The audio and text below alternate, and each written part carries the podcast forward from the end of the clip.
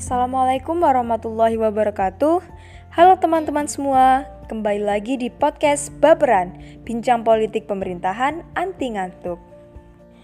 Di episode kali ini, aku akan membahas tentang salah satu topik dalam mata kuliah Politik Desentralisasi dan Otonomi Daerah dengan judul yang aku angkat, Dinasti Politik sebagai Produk Desentralisasi.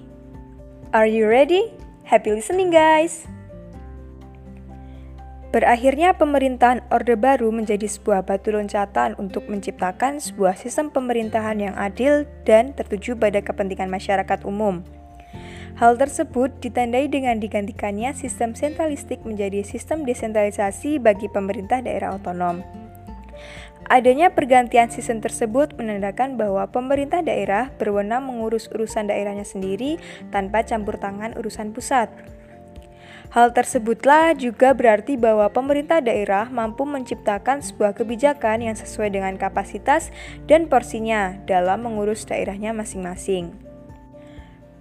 Berbeda dengan sistem sentralistik yang terlihat jelas diterapkan di masa pemerintahan Orde Baru, di mana dalam sistem sentralistik ini seluruh kebijakan di tingkat pemerintah daerah bergantung pada kewenangan pemerintahan pusat.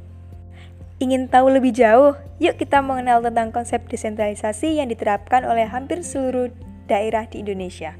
Bagian pertama, kita akan berbicara dan mendiskusikan tentang definisi dan keuntungan dari penerapan desentralisasi. Menurut Undang-Undang Nomor 23 Tahun 2014 tentang Pemerintah Daerah, desentralisasi adalah penyerahan urusan pemerintahan oleh pemerintah pusat kepada daerah otonom berdasarkan asas otonomi. Asas otonomi merupakan prinsip dasar penyelenggaraan pemerintahan daerah berdasarkan otonomi daerah. Sedangkan otonomi daerah sendiri merupakan hak, wewenang, dan kewajiban daerah otonom untuk mengatur dan mengurus sendiri urusan pemerintahan serta kepentingan masyarakat setempat dalam sistem NKRI. Jadi dapat disimpulkan bahwa desentralisasi merupakan penyerahan urusan pemerintah oleh pemerintah pusat kepada daerah otonom untuk mengatur dan mengurus urusan sendiri urusan pemerintah dan juga kepentingan masyarakat setempat berdasarkan asas otonomi dalam sistem NKRI. Adanya penerapan desentralisasi bagi setiap daerah otonom di Indonesia tentunya memberikan dampak positif bagi kelancaran berlangsungnya sebuah sistem pemerintahan. For your information aja, konsep desentralisasi sudah banyak diterapkan di beberapa negara dan berkembang cukup pesat. Keuntungan dari penerapan konsep desentralisasi itu adalah berupa terciptanya stabilitas politik yang menjadi salah satu cita-cita dan harapan bagi pelaksanaan tata kelola pemerintahan. Selanjutnya, desentralisasi dan dinasti politik. Siapa sangka teman-teman bahwa penerapan sistem desentralisasi di setiap daerah dalam hal ini pemerintah daerah memiliki dampak negatif bagi iklim politik di daerah tersebut. Salah satu dampak negatif yang timbul dari diterapkannya konsep desentralisasi di sebuah daerah adalah munculnya dinasti politik di sebuah pemerintah. Loh, kok bisa begitu? Mengapa demikian? Salah satu penyebabnya adalah karena adanya penyalahgunaan kewenangan oleh para pemimpin daerah untuk memenuhi kepentingan pribadi mereka. Menurut Hoffman tahun 2002, pada awal pelaksanaan desentralisasi, beberapa ilmuwan politik menengarai adanya fenomena raja-raja kecil yang ditandai dengan adanya elit-elit penguasa daerah, elit pengusaha, dan pemilik modal yang menguasai daerah tersebut. Adanya elit-elit penguasa daerah itulah yang memunculkan sebuah dinasti politik. Pasti kalian udah tahu kan apa sih dinasti politik itu? Dinasti politik merupakan sebuah fenomena di mana kekuasaan politik di sebuah daerah dijalankan oleh sekelompok orang yang masih terikat dengan hubungan darah dan atau kekeluargaan. Adanya kewenangan lewat konsep desentralisasi bagi pemerintah daerah inilah yang menjadi salah satu godaan bagi pemimpin daerah agar tetap bekerja sesuai dengan ketentuan yang berlaku. Menguatnya jaringan politik yang dibangun oleh dinasti politik berdasarkan kedekatan politik keluarga menyebabkan tertutupnya rekrutmen politik bagi orang-orang di luar dinasti.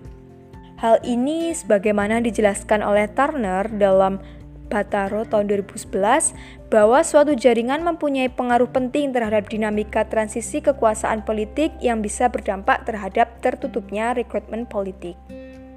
Nah, mungkin teman-teman sudah tahu dan bahkan mengikuti tentang berbagai macam berita fenomena dinasti politik yang ada di Indonesia.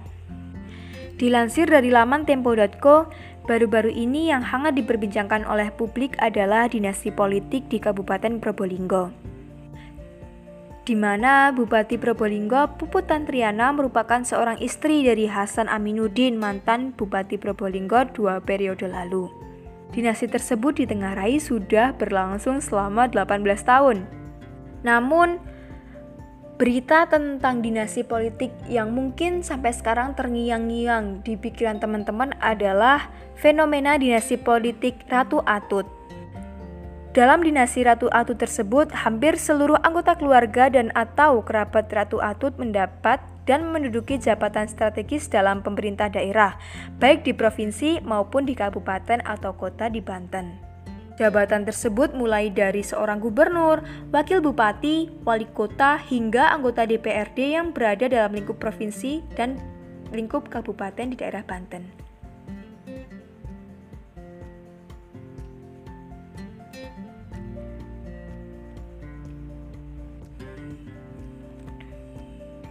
Bahkan dilansir dari laman tempo.co, jumlah dinasti politik di Indonesia pada tahun 2016 mencapai 65 dinasti. Adanya dinasti politik yang muncul di sebuah pemerintah daerah mengindikasikan bahwa terdapat kelemahan kekuatan negara dalam sebuah pemerintahan lokal yang diakibatkan karena adanya distribusi kewenangan, baik kewenangan eksekutif, yudikatif, legislatif, dan juga dari penerapan desentralisasi. Sebuah dinasti politik yang berkuasa di sebuah daerah menurut Asako tahun 2010 dan Meko tahun 1994 juga muncul karena adanya kolusi bisnis politik di tingkat lokal. Dalam hal ini, jejaring keluarga telah menguasai berbagai proyek pembangunan daerah yang kemudian dibagi-bagikan kepada para kroninya. Sehingga, dinasti politik berperan sebagai patron dalam menjaga stabilitas kolusi kekuasaan antara pemerintah dan juga perusahaan. Oleh karenanya, tak heran jika para aktor dalam dinasti politik tersebut ikut campur tangan dalam tata kelola perekonomian di sebuah daerah. Kaitannya dengan hal tersebut, menurut Bardan dan Muherje tahun 2005 dalam desentralisasi dinasti politik dan kemiskinan di Indonesia oleh Sejarwato tahun 2015. Terdapat tiga ancaman bagi sebuah pemerintah yang menerapkan sebuah konsep desentralisasi, di mana ancaman tersebut berasal dari para elite capture. Elite capture sendiri merupakan pembajakan oleh elit terhadap ruang-ruang pengelolaan untuk kepentingan pribadi atau kelompoknya. Jadi di sini yang dimaksud dengan elite capture adalah mereka, para aktor politik yang berada dalam lingkaran sebuah dinasti politik. Ancaman tersebut berkorelasi dengan dampak negatif yang ditimbulkan dari adanya sebuah dinasti politik. Di antaranya, yang pertama mendorong timbulnya KKN, di mana sumber daya yang dilimpahkan oleh pemerintah pusat ke daerah justru disalahgunakan untuk kepentingan para elit politik. Yang kedua, adanya inefisiensi alokasi. Kebijakan dan program-program yang dihasilkan oleh pemerintah daerah ditunjukkan untuk kelompok dalam dinasti politik tersebut. Lalu yang ketiga, adanya dinasti politik Adanya dinasti politik menghasilkan sebuah kelembagaan yang tidak sehat dan justru melemahkan institusi daerah itu sendiri. Mengapa demikian? Karena kinerja dari para birokrat pemerintah tidak sesuai dengan undang-undang yang berlaku. Jika berbicara tentang dinasti politik, tentunya kita juga berbicara tentang demokrasi karena proses terbentuknya sebuah dinasti politik tidak terlepas dari adanya kontestasi elektoral seperti pemilihan kepala daerah dan juga pemilu. Sedangkan tujuan dan nilai-nilai dari demokrasi menjadi salah satu tujuan dari desentralisasi. Menurut Holm dan Tanner tahun 1997 dalam desentralisasi pilkada langsung dan efektivitas pemerintah daerah karya Abu Bakar Basyarahil, terdapat beberapa keuntungan yang diperoleh dari diterapkannya desentralisasi, yaitu pendidikan politik, stabilitas politik, pematangan bagi politisi lokal, menciptakan sebuah keadilan secara politis, dan juga akuntabilitas. Sehingga dengan adanya dinasti politik mengkaburkan berbagai macam keuntungan dari penerapan konsep desentralisasi. Undang-Undang Nomor 1 Tahun 2015 tentang Pemilu Kada sebenarnya memberikan harapan dihapuskannya dinasti politik. Hal tersebut tertuang pada pasal 7 poin Q yang berbunyi, warga negara Indonesia yang dapat menjadi calon gubernur dan calon wakil gubernur, calon bupati dan calon wakil bupati, serta calon wakil wali kota dan calon wali kota adalah yang memenuhi persyaratan sebagai berikut, yakni tidak memiliki konflik kepentingan dengan petahana, Konflik kepentingan dengan petahana dalam hal ini berarti tidak memiliki hubungan darah, ikatan perkawinan dan atau garis keturunan satu tingkat lurus ke atas, ke bawah, ke samping dengan petahana, kecuali telah melewati jeda satu kali masa jabatan. Namun, dalam perjalanannya, ketentuan tersebut dibatalkan melalui putusan Mahkamah Konstitusi nomor 34 garing PPU 13 garing 2015 dengan alasan konflik kepentingan dengan petahana hanya menggunakan pertimbangan yang bersifat politis dan asumtif. Hal tersebut menandakan adanya inkonsistensi pemerintah dalam upaya untuk menegakkan iklim demokrasi politik yang sehat di Indonesia.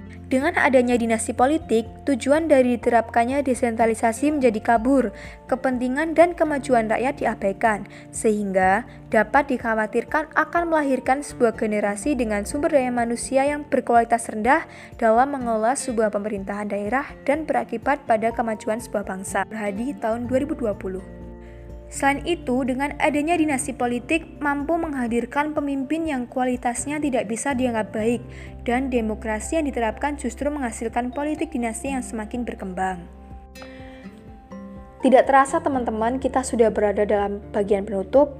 Di bagian penutup ini, aku ingin memberikan closing statement mengenai topik episode kali ini. Munculnya dinasti politik di sebuah daerah yang cenderung bahkan telah menciptakan dampak negatif bagi daerah tersebut sudah seharusnya dicegah.